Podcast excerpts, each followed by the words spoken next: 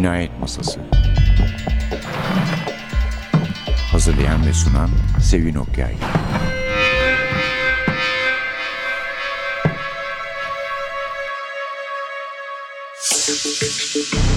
Merhaba, NTV Radyo'nun Cinayet Masası programına hoş geldiniz. Bugün Nick Pizzolatto ile birlikteyiz. Onun kitabıyla Türkçe adı Saklan, Kaç, Vur. Orijinal adı Galveston. İngilizceden Elif Söğüt Kurtiş çevirdi. Okyanus'tan çıktı. Bu kitap için en güzel şeyi, en iyi tanımı Deniz Lehane söylemiş, sunmuş. Alt dünyalara ait göz kamaştıran bir rüya, dayanılmaz bir güzellik, kırılmışlara, hiç olmamışlara, kaybolmuş ama birinin herhangi birinin gelip onları bulmasını bekleyenlere bir ağıt. Gerçekten de öyle. Bir de şeyi çok seviyorum. Hemen kitabın girişinde bir alıntı var William Faulkner'dan. Kaç defa yağmurda yabancı bir çatının altında yatıp evi düşünmüşümdür. Nick Pizzolatto'nun kitabı kapağında da şöyle tanımlanmış. Geçmiş yok, gelecek yok, kaybedecek hiçbir şey yok. Neden böyle? En azından kahramanımız açısından niye böyle olduğunu hemen kitabın başından bir bölüm okuyarak söyleyebiliriz. Bir doktor akciğerlerimin resmini çekti. Kar tanecikleriyle doluydular. Ofisten dışarı çıkarken bekleme odasındaki herkes benim yerimde olmadıkları için kendilerini şanslı hissediyorlardı. Bazı şeyleri insanların yüzlerinden okuyabilirsiniz. Şimdi bir adamı kovalamış iki kat merdivende nefes nefese kalmış birkaç gün önce. Göğsünde büyük bir ağırlık varmış gibi olmuş. Bir kriz geçirmiş besbelli bundan diyor aslında diyor çok içiyordum ama bundan fazlası olduğunu anlamıştım. Ani gelen acıdan dolayı öyle kızmıştım ki adamın elini kırmıştım. Adam dişlerini tükürmüştü ve Sten'e bunun aşırı olduğunu söyleyerek şikayet etmişti. Şimdi birkaç açıklamada bulunalım. Stan patronu kahramanımızın patronu ve basbaya bir kendi çapında bir mafya. Bazen kahramanımız Roy Cady ki az önceki bölümden herhalde tahmin edeceğiniz gibi bir alkolik ve 40'lı yaşlarının başında. Kahramanımız onun için para topluyor, haraç topluyor. Zaman zaman da birilerini öldürmesi gerekiyor. Böyle bir işi var. İyi de bir iş ilişkileri var anlaşıldığı kadarıyla. Ama yakın zamanlarda şöyle bir mesele olmuş. Roy'un sevgilisiyle patronu ilgilenmeye başlamış ve bu ilgilenmeyi de gayet net bir şekilde belli etmiş. Kıza fazlaca yakınlık göstererek. Dolayısıyla Roy da ne yapacağını bilemiyor. Yani Sten'e nasıl bir tepki göstereceğini bilemiyor. Hatta tepki gösterse mi göstermese mi onu bile bilemiyor. Fakat içten içe de kendini kötü hissediyor. Evet efendim bizim açıklamalarımız ikinci bölümde.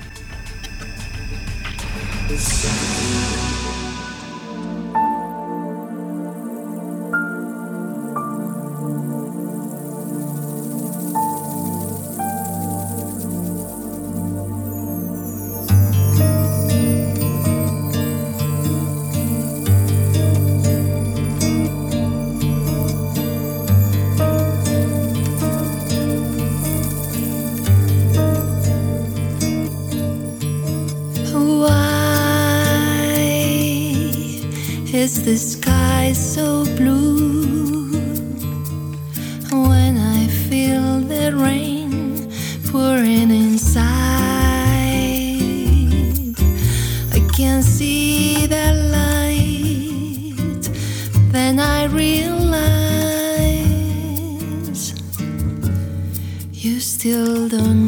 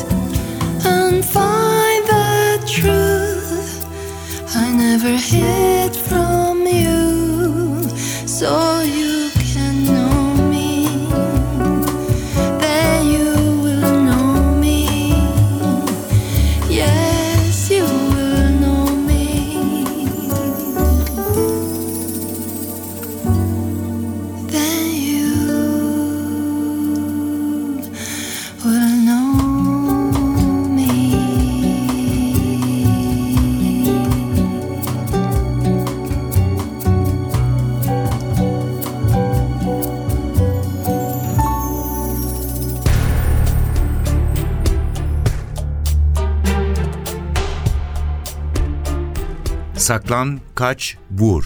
Aynı boğucu, ümitsiz duyguyu 12 ya da 13 yaşımda uzun pamuk tarlalarına bakarken de hissetmiştim.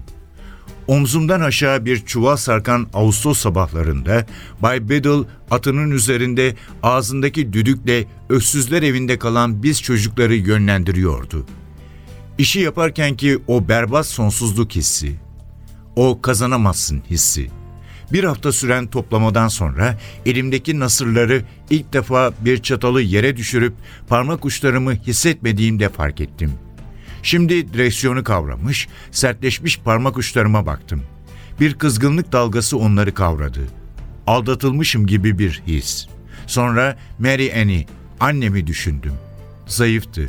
Kendisini aptal ilan eden akıllı bir kadın. Fakat şimdi onu düşünmenin hiç gereği yoktu. Sten'in verdiği adresi buldum. Bir sürü deponun bulunduğu blokta çukurda kalmış bir apartman. Soluk, üzerine grafitiler çizilmiş tuğladan duvarlar. Yandaki boş araziye uzanmış yabani otlar. Otoparkta eski arabalar, New Orleans'ı kaplayan yağ ve sıcak çöp kokusu. Numara 12, ikinci kat. Ned Skinner. Penceresinin önünden bir kez geçip içeri baktım. Karanlıktı. Bir hareket hissetmedim. Demir muşta koyduğum cebime elimi götürdüm. Ve balkondan geçerek yürümeye devam ettim. Aşağı indim, arkaya dolaştım, dış pencereleri kontrol ettim. Bir esinti uzun otları hareket ettirdi. Geri dönüp yukarı çıktım ve kapısını çaldım. Bütün bina sanki terk edilmiş gibiydi. Perdeler kapalıydı. Televizyon veya radyo sesi de yoktu. Bekledim ve etrafa bakındım. Sonra da sustalı bıçağımı kilidin çevresindeki çerçeveye soktum. Ucuz tahta hemen parçalandı. İçeri girdim ve kapıyı kapadım. Çok az eşyalı, her tarafı çöple dolu, içinde gazeteler, eski yarış bültenleri, fast food paketleri ve ekranı çatlamış bir televizyon olan küçük bir yerdi. Tezgahın üstünde kaliteli marka boş vodka şişeleri duruyordu. Pasaklı tipleri hiçbir zaman sevmemişimdir. Burası epey kötü kokuyordu. Ağız kokusuna karışmış ter kokusu gibi. Banyo duvarları kir ve mantar kaplıydı. Kokuşmuş giysiler banyoda yere atılmıştı. Yatak odasında yalnızca bir yer yatağı ve birbirine dolanmış ince sararmış çarşaflar vardı. Buruşturulmuş yarış bültenleri halıya kesilmiş çiçekler gibi dağılmıştı. Yatağın kenarında yerde yüzü yere dönük duran çerçeveli bir resim vardı. Resmi elime aldım. Kahverengi saçlı bir kadınla küçük bir oğlan çocuğu vardı. İkisi de oldukça hoş görünüyordu. Yüzleri gülüyordu. Gözleri parlıyordu. Kadının saç stiline ve giyim tarzına bakıldığında fotoğraf birkaç yıl önce çekilmiş gibi duruyordu. Fotoğraf kağıdı bugünkülerden daha kalındı ve derimsi bir dokusu vardı. Ayrıca yüzler zamanla biraz solmuş gibiydi. Fotoğrafı oturma odasına götürdüm ve sandalyelerden birine üzerindeki pizza kutusunu yere atıp oturdum. Önce fotoğrafa, sonra da daireye baktım. Ben de buna benzer yerlerde yaşamıştım.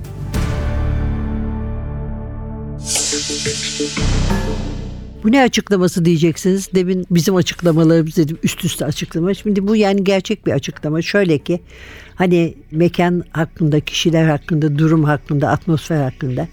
Bu Nick Pizzolatto dediğimiz şahıs televizyonda True Detective mini dizisinin yazarı, yapımcısı, yaratıcısı. Yani kendinizi öyle bir atmosfer içinde düşünebilirsiniz. Gerçi aralarında farklar var. Onları da son bölümde anlatmaya çalışacağım. Ve aynı şekilde kaybetmiş karakterlerle birlikteyiz. Roy Kay sevgilisi Carmen'i patronu Sten'e kaptırdığını gördükten sonra zaten sinirlenmiş. Sonra da röntgenler çıkmış ortaya. Kendini hiç iyi hissetmiyor. Zaten yaşayacakta kısıtlı sınırlı vakti kaldığını düşünüyor. Ben oldum olası ceket ve kovboy çizmeleriyle kot ve siyah tişörtler giyiyordum. Saçımın arkası hep uzundu ve sakalımı hiç kesmezdim. Adım Roy Kay'di fakat Gino ile birlikte herkes bana Big Country diye seslenmeye başladı. Hala da pek işten olmayan bir şekilde öyle çağırırlar. Doğu Teksas'tanım altın üçgenden. Ve Stan onu bir işe yolluyor.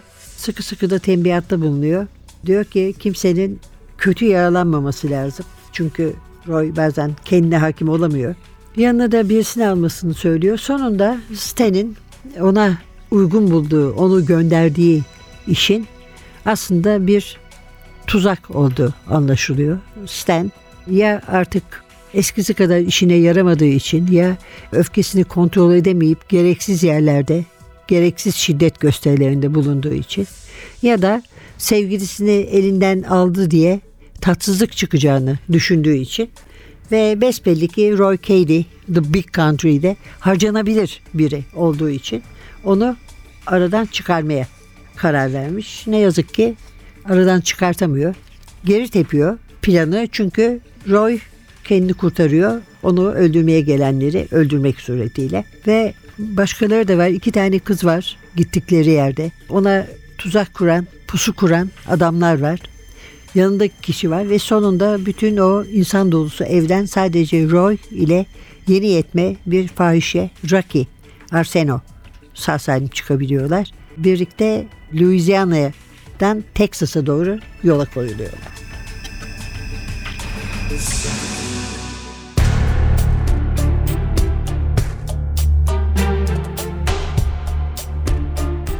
Benimle gel dedim. Hareket etmeyince silahı suratına doğrulttum. Namluya sonra da bana baktı. Turuncu ışıkta gözlerinin ne renkte olduğunu kestiremiyordum. Yere baktı, sonra da sandalyeden inip dizlerinin üstünde vücutların arasında dolaşıp öldürdüğüm adamların ceplerini kontrol etti. Para veya ondan aldıkları bir şeyi aradığını düşündüm. Onun hakkında hissettiğim faydacı tarzı doğruladığı için bunu anlayışla karşılayabilirdim. Tüm bu zaman boyunca siren seslerini bekledim. Pencerelere yaklaşıp dışarı baktım. Fakat gece sakin ve sorunsuz görünüyordu. Kız cepleri boşaltmayı bitirdikten sonra yan odadan büyük bir çanta getirmiş, içine son bir şeyler daha tıkıyordu. Kızgın ve ciddi bir bakışla kalktı, Wanda dedi. Arkadaşım Wanda. Yatak odasına doğru koridorda yürümeye başladı. Bileğini tuttum, kafamı salladım. Onu böyle görmek istemezsin. Ama onu kolundan tutup önce arka kapıdan dışarı, sonra caddenin karşısına ve gölgelerin içine çektim. 90 otoyolundan gelecek sirenleri hala beklediğim yere. Kan ve barut kokusu burun deliklerimi doldurmuştu ve yanaklarımda kuruyan kanı hissedebiliyordum. Tişörtümü çekip sertçe suratımı sildim, sümkürdüm. Arka bahçelerden ve ağaçların gölgelerinin arasından geçtik ve artık kimse bizi göremezdi.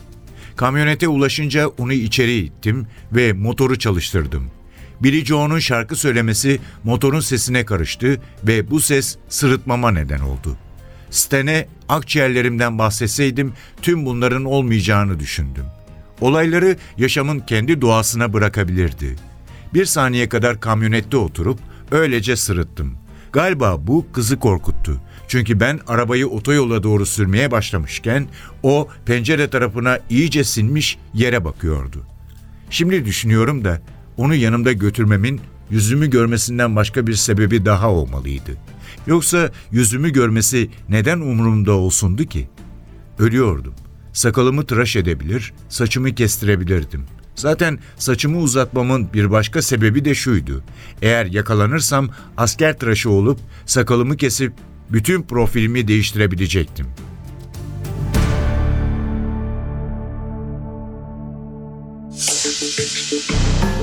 Aslında bundan sonrasını çok fazla anlatmayıp sizi kitapla baş başa bırakmak en iyisi. Yani şu kadarını söyleyeyim. Rocky henüz genç. Yapmaya kalkıştığı işi bile doğru dürüst beceremiyor. Yeni başlamış. Ama çok etkili birisi. Her ne kadar kendi potansiyelinin altında ezilse de. Ve mesela üvey babasından 3 yaşındaki kardeşi Tiffany'yi şiddet kullanarak almayı başarıyor. Ayrılmadan bir ikili olarak dolaşıyorlar. Birçok benzetmeler burada düşünülebilir ama zaten Roy ve Rocky gibi Nick Pizzolatto da Güneyli, Teksaslı. Dolayısıyla Güney edebiyatı geleneğinde uzun süre sürdürmüş her ne kadar şimdi biraz dışına çıkmış olsa da. Dolayısıyla gerçekten de The True Detective'i izlediyseniz eğer ya da en azından bir bölümünü gördüyseniz orada hissettiklerinizin bir kısmını burada da hissedeceğinizi vaat edebiliriz. Nick Pizzolatto söyleşilerde çok kendine hakim, çok güzel, düzgün konuşan biri. Fakat mesela mini diziyle ilgili ki bu yıl ikinci bölümü yapılıyor. izleyeceğiz bu yıl. Ve tamamen başka insanlarla Matthew McConaughey ile Woody Harrelson olmayacak ki çok ödül aldılar ve aday oldulardı biliyorsunuz. Başka bir şey yapıyor ve kendisine müdahale edilmesine asla izin vermiyor. Hiçbir şeyle karışılmasına izin vermiyor ki bu herhalde büyük bir lükstür diye düşünüyorum. Televizyonda yani yazarlar için tabii yaratıcılar için değil onlar çünkü istediklerini rahatlıkla yapabiliyorlar. Bir de şöyle bir durumu da var. Tek bir yönetmen ve yapımcı kendisi gibi yapımcı olan Kari Fukunaga ile çalışıyor. Ve onun da çok kendisi için değerli olduğunu çünkü bir yönetmen bakışı getirdiğini söylüyor. Şimdi Nick Pizzolatto az önce sözünü ettiğim bu Güney edebi geleneğini çok seviyor. Güneyli yazarlar diye bir fikir var diyor. Sanki Güney hiçbir nüansa sahip olmaksızın tek bir yermiş gibi sanki güneyin ayrı ayrı yerlerinden olmanın hiçbir önemi yokmuş gibi. Ama güney fikri benim çocukluğumdan geliyor çünkü ben de güneyliyim ve kitaplarımda, senaryolarımdaki güney atmosferini yaşamış biri olarak sunuyorum.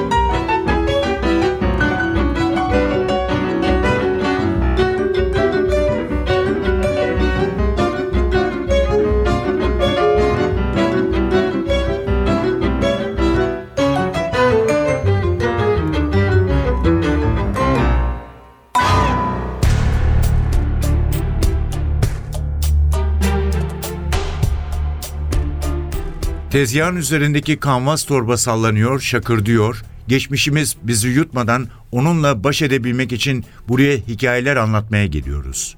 Devam etmem için beni bekliyorlar. Şimdi onu düşünüyorum. Bir şey oldu.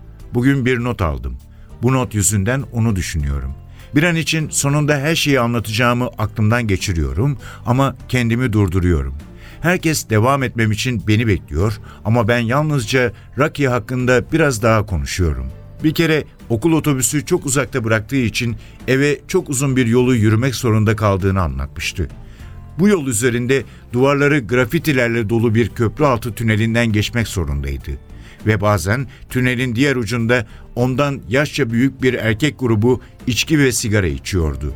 Böyle olduğunda tünelin diğer ucunda onlar gidene kadar karanlıkta beklemek zorunda kalıyordu. Bir keresinde gece yarısını geçene kadar onlar gitsin diye beklemişti. Eve döndüğünde kimse geç kaldığını fark etmemişti. 13 yaşındaydı. Olayı anlatırken arada kekeledim, mırıldandım. Bitirdiğimde herkesin kafası karışmış gözüküyordu. Ama bana teşekkür ettiler. Gerçekte bu kimsenin nasıl tepki vereceğini bilmediği hikayelerdendi. Ne manaya geldiğini anlamamışlardı. Hikayenin özü bunu bana nasıl anlattığındaydı. Konuşurken nasıl başka yöne baktığı, dinleyip dinlemediğimi anlamak için bakışlarıyla beni nasıl kontrol ettiği. Kelimelerini yavaşça ve ölçüp biçerek seçmesi. Biliyorum ki Finest Darnas'taki atsız alkolikler de hepimiz tanıklıklarımızı anlatarak hafızamızı balya haline getiriyoruz. Yıllar süren aşağılık davranışlarımızı ve suçlarımızı bu balyaya bağlıyoruz. Başa çıkabildiğimiz bu balyaları bir rafa kaldırabilir, raftan tekrar indirebilir ve hikayelerin güvenli alanında sektirebiliriz. Ben gerçek hikayemi asla anlatmadım. Errol hafta sonu bahiste bir kısım para kaybettiğinden bahsediyor. Ona teşekkür ediyoruz. Deacon sonunda ona içki ısmarlamak isteyen eski bir arkadaşa rastladığını anlatmak için kendinde cesaret buluyor. Anlattıktan sonra yaşlı gözlerini siliyor. Ona teşekkür ediyoruz. Bitirdiğimizde herkes biraz daha kahve almak için sıralanıyor ve ben ceketimin cebindeki kitabı hatırlıyorum. İnce kitabı çıkarıp Roger'a veriyorum. Güney Kaliforniyalı iki boksör hakkında bir roman. Kitap Deacon'ın ilgisini çekiyor gibi gözüküyor. Çünkü masadan kitabı alıp arka yüzünü okumaya başlıyor. Roger somurtuyor. Dirseklerine kadar un ve şekerle kaplandığında Roger'ın sol kolundaki denizci dövmesi gözükmüyor. Fakat şimdi kalın kıllarının arasında mavi çizgili, hafif bulanık yeşil renkli, belli belirsiz bir gemi çapası şeklinde. Errol, kadınlarla tanışmak için plan yapmamız lazım, diyor. Kendini oyuna dahil etmen lazım. Kim benimle birlikte? Deacon elindeki kitabı Roger'a tutarak bunun hakkında ne diyorsun, diyor. Roger, dövüş diyor. Errol kafasını sallıyor, kamyoncu şapkasını düzeltiyor, şak diye kağıdını açıyor.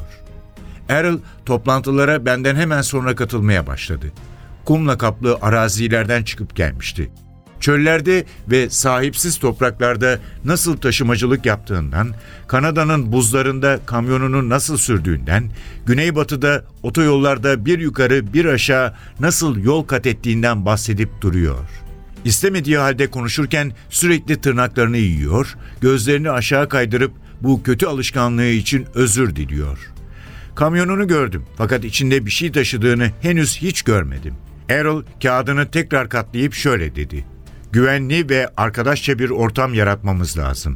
Hiçbir manası olmasa da her şeyden önce onları dinlediğinizi hissetmeleri lazım. Roger, bence bir noktada yalnız olmayı seçiyorsun, dedi.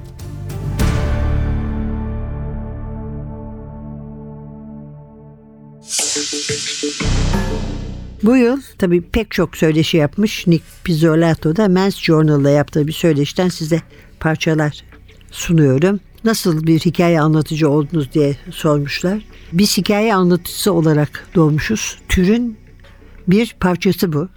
Yani insanın hikaye anlatan tek hayvan olduğu anlamında.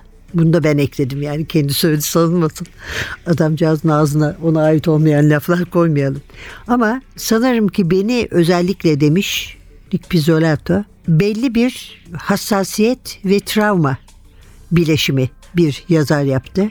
şöyle bir durumu da var zaten epey bir süre akademisyen olarak çeşitli üniversitelerde ders vererek edebiyata katkıda bulunmuş diyelim. Ama sonra bundan vazgeçmiş ve sadece yazmaya başlamış. Bir romandan sonra senaryo yazmaya nasıl geçtiğini sorduklarında da bundan söz ediyor zaten. Akademisyenliği geride bırakmak beni çok etkiledi. O beni teşvik etti. Artık akademik bürokrasinin bir parçası olmaya dayanamaz hale gelmiştim. Televizyon ve film daima benim tutkum olmuştur. Her zaman çok sevmişimdir onları. Ve buradan da işte True Dedektif'e geçiyor. İlk HBO dizilerinin nasıl hayranı olduğunu söyleyerek ve mini dizisinde de Galveston'da tarif edilen yerlerle, mekanlarla karşı karşıya kalacağımızı belirtiyor ki birini okumuş, ötekini görmüş biri olarak gerçekten de böyle olduğunu söyleyebilirim. Şimdi Pizzolatto özellikle mini dizisinde e, erkek karakterlerine kötü davranan bir yazar. Yani onları arka çıkmıyor, onları korumuyor. Ne diyeceksiniz demişler erkeklerin hayatı için. Bence bu sezonun birleştirici teması erkeklerin erkeklere verdikleri hasar kendilerine ve özellikle de ama kadınlara ve çocuklara ama ben sanıyorum ki aslında bir başka şeyle de aynı derecede ilgileniyorum. İnsanlar karanlıktan çıkmayı nasıl bekler? Cesaretle, umutla ve sevgiyle. Evet efendim Nick Pizzolatto Okuyanus'tan çıktı. Saklan, kaç, vur, Galveston. Doğrusu tavsiye ederiz. Sadece bir türlü hepsini bir araya toplayıp sunamadığım vakitsizlikten tabii benzerliği için değil True Dedektif'le ama Roy Cady'nin çok iyi bir karakter olan Roy Cady'nin açısından gördüğümüz dünyayı tanımak için de Türkçe'ye Elif Söğüt Kurtiş çevirdi. Okuyanus'tan demiştik. Evet önümüzdeki hafta bir aksilik olmazsa sanıyorum Stephen King'le birlikte olacağız. O vakte kadar mikrofonda Sevin, masada Atilla size heyecan dolu günler diler. Hoşçakalın.